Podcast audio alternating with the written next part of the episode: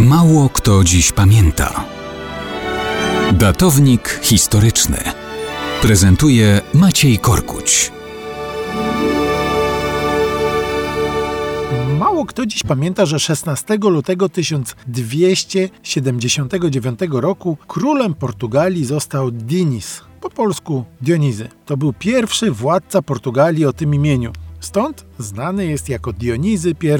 Co o nim powiemy? Cóż, nuda. Nic się nie dzieje. Dionizy miał prawie przez całe panowanie święty spokój, a panował niemal pół wieku. Szybka wojna z Kastylią dała mu nabytki terytorialne i korekty granic, które wyznaczyły miejsce Portugalii na mapie Europy. Do kiedy wyznaczyły? Do dzisiaj. Dla Polaków to nie do wyobrażenia.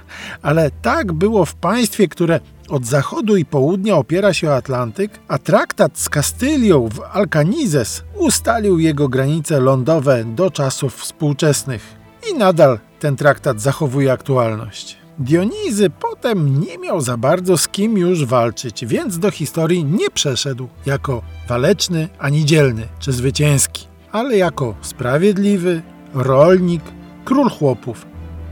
Sprawiedliwie uspokoił wewnętrzne konflikty z kościołem, podpisując konkordat z papiestwem. Przy tym po kasacie zakonu templariuszy zapobiegł wywiezieniu z Portugalii ich ogromnych majątków. Naprawił system finansowy królestwa, wspierał kupców i handel, zakładał miasta, budował zamki, przeprowadzał renowację starych fortyfikacji. No nuda, po prostu nuda, nic się nie dzieje. Kazał obsadzić lasami brzegi Atlantyku, aby wzmocnić wydmy i chronić ziemie uprawne. Osuszał bagna, zasiewał nieużytki. Nuda. Na domiar złego, ups, dobrego, rozwijał oświatę, założył uniwersytet w Lizbonie i sam jeszcze do tego pisał wiersze. Zachowało się ich do dzisiejszych czasów aż 138. Stąd jeszcze jeden jego przydomek. Przydomek Dionizego I, Trubadur.